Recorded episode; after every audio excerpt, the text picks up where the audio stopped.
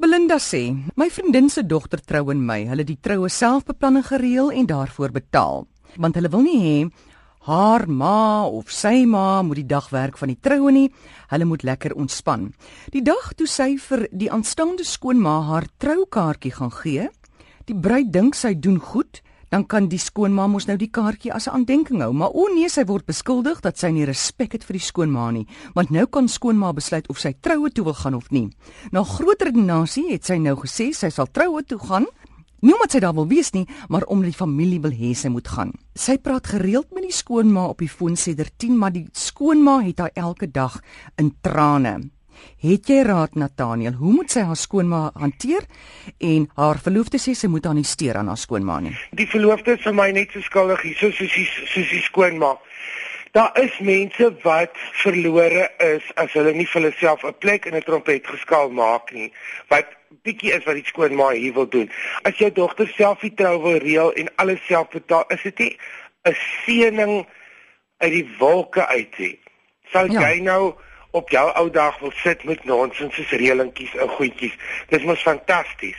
So as sy 'n troukaartjie het, het sy die keuse om te kom of nie te kom nie. Dit is kleinlik. Dit is die woord. Daar is nie iets anders aan nie. Dis hartseer dat groot mense wat moet alkalm wees en die wyses is in ons samelewing en die voorbeelde is en van hoe jy lewe dat hulle so simpel is. Ons ou mense baie van dit mos nou maar geskrik want daar was 'n verkiesing in die land.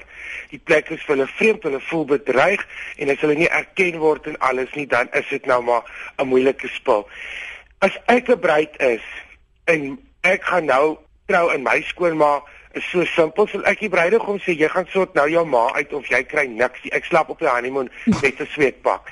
Jy gaan sort jou simpel familie uit. Gaan praat met jou ma. Dis weer 'n ding hier dit het niks met etiket te doen nie. Dit het te doen met hoe treurig is die binneratte van ons families in Suid-Afrika dat ons nie openlik met mekaar kan praat nie. En dit is jou gelukkige dag. En luister my lied, jy gaan nie oor 10 jaar of 15 jaar eers onthou of jou skoonma daar was of nie. So as sy nie wil kom nie, laat sy bly. Jy gaan nie 'n melktert bak en dan in die hoek 'n suuruitjie indruk en dan hmm. dit op 'n tafel sit en jy wil dit ook nie met jou troue doen nie. Jy trou nie met jou skoonma nie, jy trou met jou bruidegom. As jou skoonma simpel is, laat sy haarself uitvoed of stuur vir haar na 'n erediens toe of koop vir haar 'n Bybel of gee vir haar 'n kaartjie vir 'n sielkundige, want daar's obviously baie onopgeloste krisisse hier. En jy kry sulke mense wat soos die bruidegom hier sê, wat hom self is 'n matreerig. Ek sit jou ma op 'n baie mooi manier op haar plek en verduidelik vir as jy vir jou kind omgee dan doen jy dit vir jou kind, nie vir jouself. Jy het jou dag gehad en kyk hoe hard jy dit jy uitgedraai. Dat ons nou ons ding op doen. Dis pateties dat mense sulke goed moet worry en die bruid mag nie een traan stort oor hmm. sulke simpelheid nie. Amper dieselfde scenario hier. Ansa sê haar dogter trou met 'n man uit Europa. Hulle gaan in sy land van herkoms trou. Hulle het haar hoegenaamd nie geken in die saak nie, net sê dat hulle hulle beplan om oor see te trou. Hulle gaan 'n klein onthaal in Suid-Afrika hou. En uh, sy wil nou weet uh, aangesien hulle nou alles reël, mag sy vra of daar 'n uitnodiging na haar broers ook gestuur gaan word. Sy sê ook nou die man se ouers kuier op die oomblik by haar dogter, so 40 km van haar huis. En haar dogter het nie eers genoem dat sy wil hê dat die vrou nou haar toekomstige skoonouers moet ontmoet nie. Sy ja, is 'n lang treurige verhaal ja. hier agter. Ons weet jy of partykeer skame mense vir jou, vir jou eie familie. As jy ver gaan trou, sal ek gedog het jy vat jou ma as jy in 'n goeie verhouding is, mm. saam na die troue toe. Um my broer het ook oor see getrou en ons was ook nie genooi net eers was na die tyd, dit weet niemand van ons was kwaad nie want ons het te veel troue hier gehou. Dit was daar was nooit eers in ons familie daaroor gepraat nie.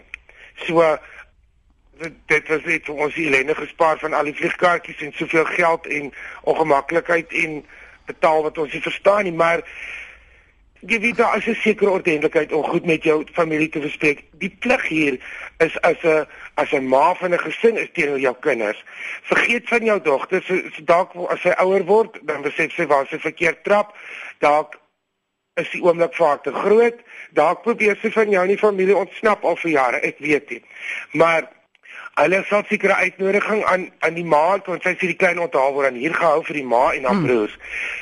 Om te wys dat ek 'n goeie mens is, om te wys dat ek om in alle omstandighede my kinders liefhet en eerste stel, gaan ek na die troue toe of na die onthaal toe mm. of wat ook al hulle vir my aanbied. Ek is nie suur nie, ek is nie Dit is nie ek sal ook vra vra jou skoonouers sê wil jy graag hê mamma moet hulle ontmoet? As sy sê nee, dit is nie nodig nie, dan gaan jy nou nie 'n moordkou maak nie want dan is dit issues wat nie met 'n troue hoort nie, maar wat jy eendag sal moet uitsort of wegbid of 'n plan mee maak. Dan sê jy net dis in die haak en steur jou nie verder nie. Jy het hierdie kind groot gemaak, so ek weet nie waar jy verkeerd getrap het of sy met sulke maniere uitdraai nie.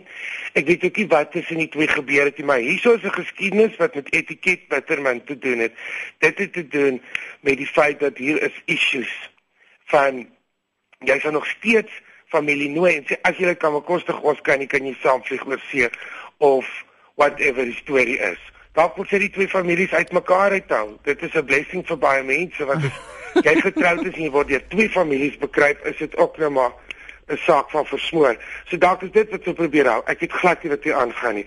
Maar al wat ek kan sê is dat as 'n ma jou kinders is eerste baie keer slukkie maar jou trane en jy gedra vir jou grasieus en jy stel 'n voorbeeld en jy gaan met 'n goeie gesindheid en met 'n glimlag lyk pragtig en weet jy het jou kant gedoen en jy's altyd daar vir jou kinders. Dis al wat ek kan sê in hierdie situasie. Onvoorwaardelike liefde van die ma. Ah, sy.